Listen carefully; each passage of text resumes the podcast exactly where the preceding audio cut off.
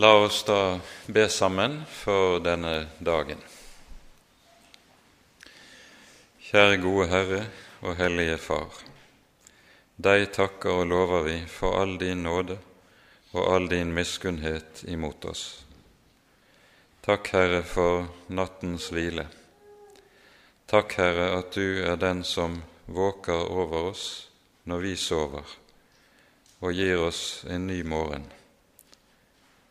Nå ber vi, Herre, kom til oss med din Hellige Ånd, og vekk våre ører, at vi kan høre slik disipler hører. Omskjær og omvend våre hjerter, at vi kan frykte deg i ånd og i sannhet. Ja, kom, Herre, du, med din Hellige Ånd, og bo midt imellom oss at vi kan få ha lys i dine ord og kjenne deg rett. Så ber vi, Herre, for Henry, at du vil være hos ham slik du vet han trenger det. Så legger vi oss selv og alt vårt i dine hender og takker og lover deg, Herre, fordi du er god og din miskunnhet varer til evig tid. Amen. Vi vil da gjøre det slik i eh, Henry sitt fravær at vi leser eh, det tredje kapittelet i eh, første Johannes brev. Og jeg vil bare gjøre det slik at jeg knytter noen ganske korte kommentarer til enkelt, enkelte vers i teksten.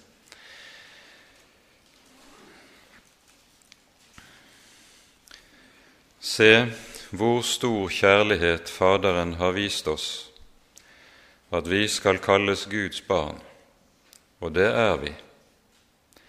Derfor kjenner verden ikke oss, fordi den ikke kjenner ham. Mine kjære, nå er vi Guds barn, og det er enda ikke åpenbart hva vi skal bli. Men vi vet at når Han åpenbares, da skal vi bli ham like, for vi skal se ham som han er. Og hver den som har dette håp til ham, renser seg selv, like som han er ren.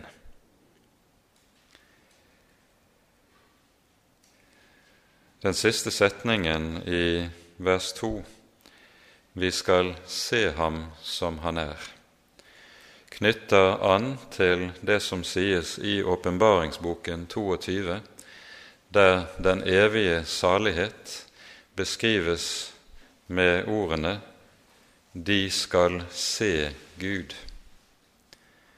Disse ordene som jo viser tilbake til det vi hører i annen Mosebok, når Moses på berget får høre av Herren Intet menneske kan se mitt åsyn og leve. Her i tiden er det å se Gud utelukket for et syndig menneske. Men i evigheten så beskrives altså saligheten ved hjelp av disse ordene de skal se Gud. Og slik vi hører det her i Johannes 3, 1. Johannes 3, så sies det om dette syn at det er et syn som transformerer Guds barn. Vi skal bli ham like, for vi skal se ham som han er. Men i dette så knyttes det til en annen sannhet i Det nye testamentet som er like sentral. Det sies nemlig i 2. Korinterbrev, i det tredje kapittel, om hvorledes Guds folk ser Herren her i tiden, ikke direkte som i saligheten, men dog. Det står:" Vi som med utildekket ansikt ser Herrens herlighet som i et speil. Vi blir alle forvandlet til det samme bildet, fra herlighet til herlighet, som av Herrens ånd.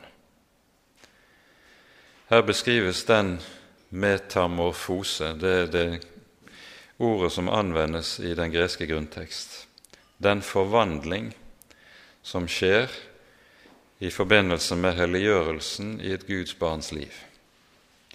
Og Denne forvandling den er altså knyttet til det å se. Se Herrens herlighet. Ikke direkte, men som i et speil. Altså som Moses så Herrens herlighet bakfra. Og så merker vi oss unnskyld med det at helliggjørelsen den er knyttet til hva et menneske ser, nemlig det å se evangeliet.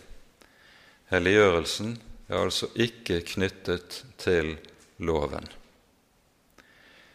Det, lydigheten mot loven den er noe som er helliggjørelsens virkning i et kristent menneskes liv. Men helliggjørelsens forvandling, den skjer ved evangeliet. Vi blir forvandlet til det samme bildet, fra herlighet til herlighet. Og den forvandling som skjer i evigheten, og som vi hører om hos Johannes i hans første brev, den er altså den evige fullendelse der dette forgjengelige skal oppslukes av uforgjengelighet, dette dødelige av udødelighet, og vi skal bli ham like. Da er det det er virkeliggjort som var menneskehetens opprinnelige bestemmelse, nemlig det som vi hører om allerede i skapelsen, at Gud skaper mennesket i sitt bilde og til sin lignelse. Det ødelegges ved fallet. Det starter på sin gjenreisning her i tiden ved frelsen og helliggjørelsen, og det fullendes i herligheten. Da er mennesket det sanne uttrykk for den evige Guds herlighet. Vi skal bli ham like. Vi leser videre i Johannesbrevet. Hver den som gjør synd, bryter også loven, og synd er lovbrudd. Dere vet at Han er åpenbaret for å ta bort våre synder, og synd er ikke i ham. Hver den som blir i ham, synder ikke. Hver den som synder, har ikke sett ham og ikke kjent ham. Mine barn, la ikke noen forføre dere. Den som gjør rettferdighet, er rettferdig, like som han er rettferdig. Den som gjør synd, er av djevelen. For djevelen synder fra begynnelsen. Til dette ble Guds, sønns, Guds sønn åpenbart, for at han skulle gjøre ende på djevelens gjerninger. Hver den som er født av Gud, gjør ikke synd, fordi Guds sæd blir i ham. Han kan ikke synde, fordi han er født av Gud. På dette kan Guds barn og djevelens barn kjennes. Hver den som ikke gjør rettferdighet, er ikke av Gud, heller ikke den som ikke elsker sin bror.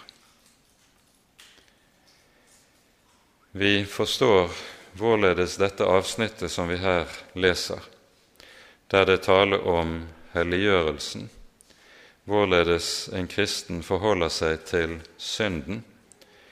Det er et avsnitt som vokser frem naturlig av det vi hørte i de første versene forvandlingen, forvandlingen som begynner her i tiden, forvandlingen som har det med seg som Johannes taler om. Den som er født av Gud, gjør ikke synd. Nå er det slik at det vi leser i dette ordet, det synes å volde mangt et troende menneske anfektelse. For en kjenner jo seg selv så altfor godt og vet hvordan jeg sannelig gjør synd og faller i synd. Dernest så kan en jo spørre seg hvordan kan dette stemme overens med det vi hører i det første kapittelet i Johannesbrevet, som vi gikk igjennom i går, der vi hører både det sies i vers 8 dersom vi sier vi ikke har synd, da bedrar vi oss selv, og sannheten er ikke i oss. Og i vers 10 dersom vi sier at vi ikke har syndet, så gjør vi ham til en løgner, og hans ord er ikke i oss. I disse to versene i kapittel 1 så peker jo Johannes både på det vi kaller vesenssynd, når han sier dersom vi sier at vi ikke har synd. Det er altså den synd som bor i oss i vår natur. Mens i vers 10 er det tale om det vi kaller gjerningssynden. Hvordan kan det vi leser her i kapittel 3, stemme overens med det vi hører i kapittel 1? Saken er at her må vi være klar over betydningen av den greske presens form. Den greske presensformen den har det med seg at den taler om det som et menneske lever i som sitt element. Det som en ikke bare gjør i en eller, annen gang i sitt liv, men som en gjør om igjen og om igjen, eller som en altså lever i. Og I denne betydning av ordet gjelder det for et kristent menneske den som er født av Gud, gjør ikke synd. Han kan nemlig ikke leve i synd. Når han faller i synd, så blir dette for ham noe som blir ham en smerte. Og det blir ham nødvendig å få bekjent det, og få renset seg fra det og komme ut av det igjen. For en vet, ethvert enhver troende som lever i lyset, vet at den synd jeg ikke vil bekjenne, ikke vil gjøre opp, den blir et stengsel mellom min Herre og meg. Og Derfor er det slik for et kristent menneske når han faller i synd, det blir like nødvendig for han å få gjort synden opp som å få et rusk ut av øyet hvis du har fått det. Du vet, Hvis du har fått et lite rusk i øyet Det behøver ikke være store tingen, men du får ikke ro på deg før det er vekke. Du må liksom få det vekk. Og Det er også en kristens forhold til den synd som han opplever når det gjelder sine fall. Og disse fall er der jevnlig og stadig gjennom hele vårt liv. Men med Johannes' språkbruk så er det slik en kristen gjør ikke synd. Han lever ikke med i det som sitt element. Og dermed så skjønner vi hva det er Johannes taler om i dette avsnittet. Vi leser så videre i kapittel 3. For dette er det budskap som dere hørte fra begynnelsen, at vi skal elske hverandre. Vi skal ikke være som Kain, som var av den ånde og slo i hjel sin bror. Og hvorfor slo han ham i hjel? Fordi hans gjerninger var ånde, men hans brors gjerninger var rettferdige. Undre dere ikke, brødre, om verden hater dere. Vi vet at vi er gått over fra døden til livet fordi vi elsker brødrene. Den som ikke elsker, blir i døden. Hver den som hater sin bror, er en morder. Og dere vet at ingen morder har evig liv værende i seg. På dette har vi lært kjærligheten å kjenne, at Han satte livet til for oss. Også vi er skyldige å sette livet til for brødrene.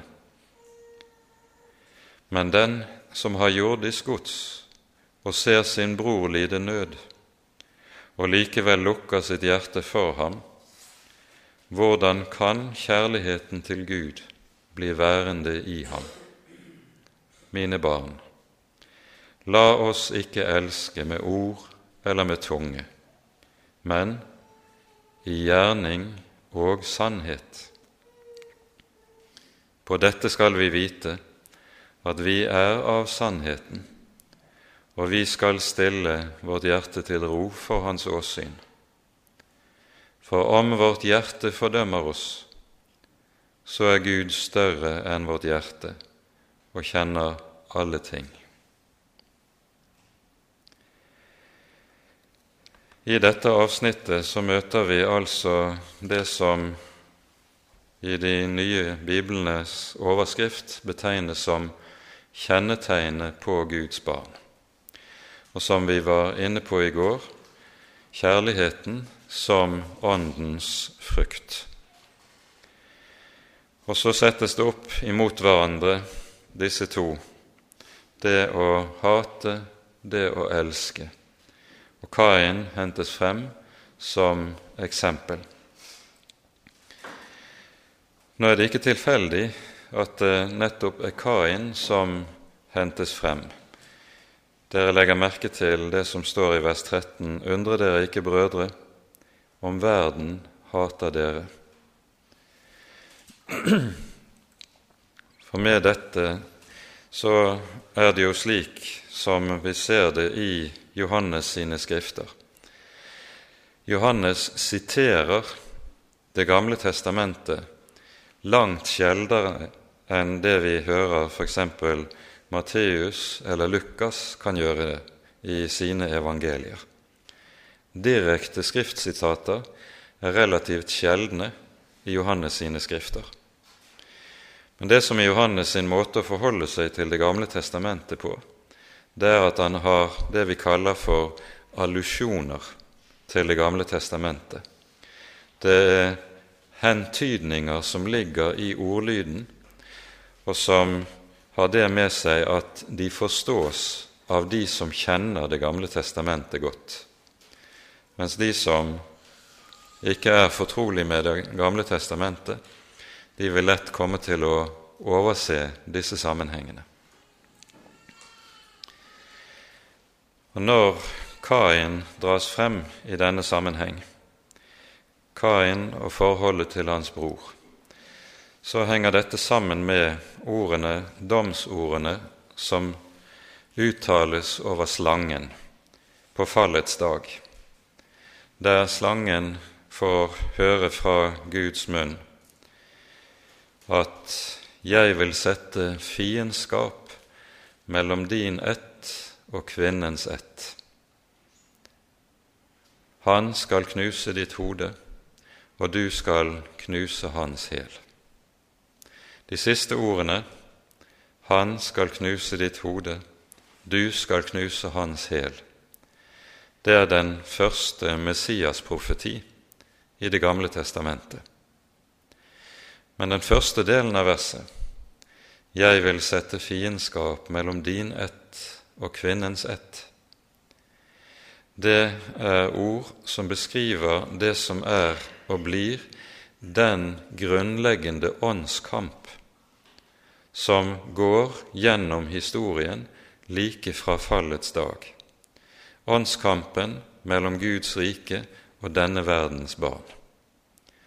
Og der det alltid vil være slik at denne verdens barn hater Guds barn, hater Guds ord og står Guds rike etter livet. Beretningen om Kain og Abel er det første eksempelet på hvorledes dette fiendskapet tar skikkelse i historien. og senere gjennom hele Det gamle testamentet og videre gjennom Det nye, så er det dette som er hovedtemaet. Kampen mellom Guds rike og denne verdens rike. Kampen mellom slangens ett og kvinnens ett. Og Denne kampen når sitt høydepunkt slik vi ser det i åpenbaringsboken i det tolvte kapittel, som er noe av et sentralt kapittel i åpenbaringsboken, der vi nettopp hører hvordan slangen står kvinnen, som er symbolet for Guds folk, står kvinnen etter livet. Og Dette kapittelet står der som innfallsporten til det trettende kapittel i åpenbaringen, der vi hører om antikristens forfølgelse av Guds folk. Det er dette Johannes alluderer til når vi hører om Kain, og dette som sies om Kain, knyttes sammen med ordene 'Undre dere ikke, brødre', om verden hater dere. Det som kjennetegner de som hører kvinnens ett til, Guds folk til, det er broderkjærligheten, som vi var inne på i går, og som også Henry var inne på meget sterkt i sin bibeltime, så er saken den at i Johannes, eh, første Johannes brev så henger liv og lære uløselig sammen. Og Derfor er det det sies mot slutten av avsnittet La oss ikke elske med ord eller tunge, men i gjerning og sannhet. Der det blir et brudd mellom liv og lære, der lever et menneske i løgnen. Da er det ikke samsvar mellom hva en sier og hva en gjør hva en tror, og hvorledes en lever. Og dette er det jo noe som er noe av et hovedtema i første Johannes brev, som vi har sett. Vi leser det siste avsnittet i kapittel tre. Om vårt hjerte fordømmer oss, så er Gud større enn vårt hjerte og kjenner alle ting mine kjære, dersom vårt hjerte ikke fordømmer oss, da har vi frimodighet for Gud, og hva vi enn ber om, det får vi av ham, fordi vi holder fast på Hans bud og gjør det som er til behag for ham. Dette er Hans bud, at vi skal tro på Hans Sønn, Jesu Kristi navn, og elske hverandre slik Han bød oss. Den som holder fast på Hans bud, blir i ham, og Han i ham. Og på dette kjenner vi at Han blir i oss av den ånd som Han gav oss. De siste to versene som vi her hører, der møter vi et trekk som også kjennetegner Johannes i hans måte å tale på, hans språkføring. Når Johannes bruker ordet bud, så betyr ikke det påbud eller lovbud, bud i lovens forstand, slik vi vanligvis bruker ordet. Men ordet betegner hos Johannes hele frelsesåpenbaringen altså både det vi kaller lov og evangelium. Derfor er det Dette ser vi tydelig i vers 23. Dette er Hans bud, at vi skal tro på Hans Sønn. Det er jo det som er evangeliet, ikke sant? På Hans Sønns Jesu Kristi navn, og så det vi kaller loven, å elske hverandre, slik Han bød oss. Ordet bud sammenfatter altså hele frelsesåpenbaringen slik det er gitt oss i Det nye testamentet. så finner vi også i dette avsnittet det talen om den kristnes frimodighet. Om vårt hjerte fordømmer oss, så er Gud større enn vårt hjerte og kjenner alle ting. Det er ikke tilfeldig at dette står etter et avsnitt der vi har hørt om både helliggjørelsen, og hvor det også sies det som vi hørte i eh, avsnittet der vi leser i vers 9.: Vær den som er født av Gud, gjør ikke synd. Nei, når Johannes tar dette frem om hvorledes en kristen kan oppleve at hjertet fordømmer en, men Gud ikke gjør det, så henger jo det på det nøyeste sammen med det vi har hørt tidligere i kapittel 2 og i kapittel 1, der vi hører det slik vi leste i går. Om noen synder, da har vi en talsmann hos Faderen, Jesus Kristus, den rettferdige, og han er en soning for våre synder. Og i kapittel 1 Jesu Kristi, Guds Sønns blod, renser fra all synd. Og I denne sammenheng med det som vi leser her i kapittel 3, er det viktig å understreke. Når løftet er gitt, som vi hører det i kapittel 1, Jesu Kristi Guds Sønns blod renser fra all synd, så innebærer det ikke nødvendigvis at en kristen skal føle seg ren. Merk det. En kristen kan på grunn av sin synd føle seg skitten.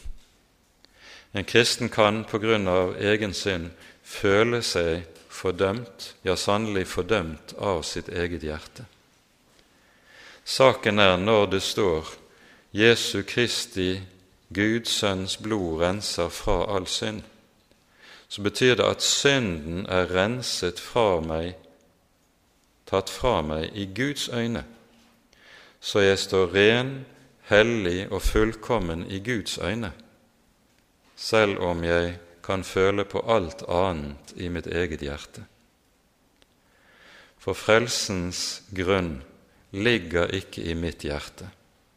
Frelsens grunn ligger i Guds hjerte. Frelsens grunn ligger ikke i hvordan jeg føler det, eller hvordan jeg har det, men den ligger i det at den levende Gud, Faderen, han har tatt imot sin sønns offer sin sønns blod og sier dette er tilstrekkelig til å rense fra all synd. Og det å øve seg i å leve på dette, nemlig det objektive i frelsen, at frelsen ikke hviler i noe som jeg føler eller opplever subjektivt i mitt eget hjerte, det er noe av det mest grunnleggende i troens øvelse. Og det er noe av dette altså Johannes er inne på når han taler som han her gjør. Om vårt hjerte fordømmer oss, så er Gud større enn vårt hjerte og kjenner alle ting. Og Derfor er det det også lyder i slutten av kapittel 2, i et vers som vi ikke rakk å komme innom i går, det står i vers 28 følgende Og nå, barn, bli i ham, for at vi kan ha frimodighet når Han blir åpenbart, og ikke bli til skamme for ham når Han kommer. Det å ha frimodighet på dommens dag, det kjennetegner den som lever i syndenes forlatelse.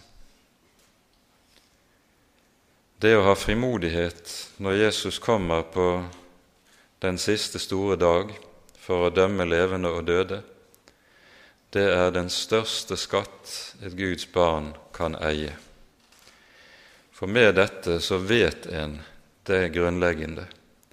Det som er mitt håp i møte med dommen, i møte med døden, i møte med evigheten, det, ikke, det ligger ikke i min helliggjørelse. Det ligger ikke i min lydighet. Det ligger ikke i at jeg synes at jeg har seiret over synden sånn og sånn. Min frimodighet ligger i hva jeg eier i Guds sønn, at Han er min rettferdighet, Han er min hellighet, Han er mitt liv, Han er mitt lys. Og Derfor sies det 'bli i ham'.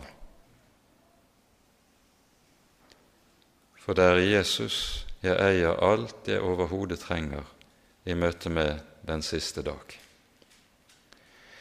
Med det setter vi punktum for lesningen av kapittel 3. Og vi vil om litt gå inn i kapittel 4, og Jakob vil ha ordet.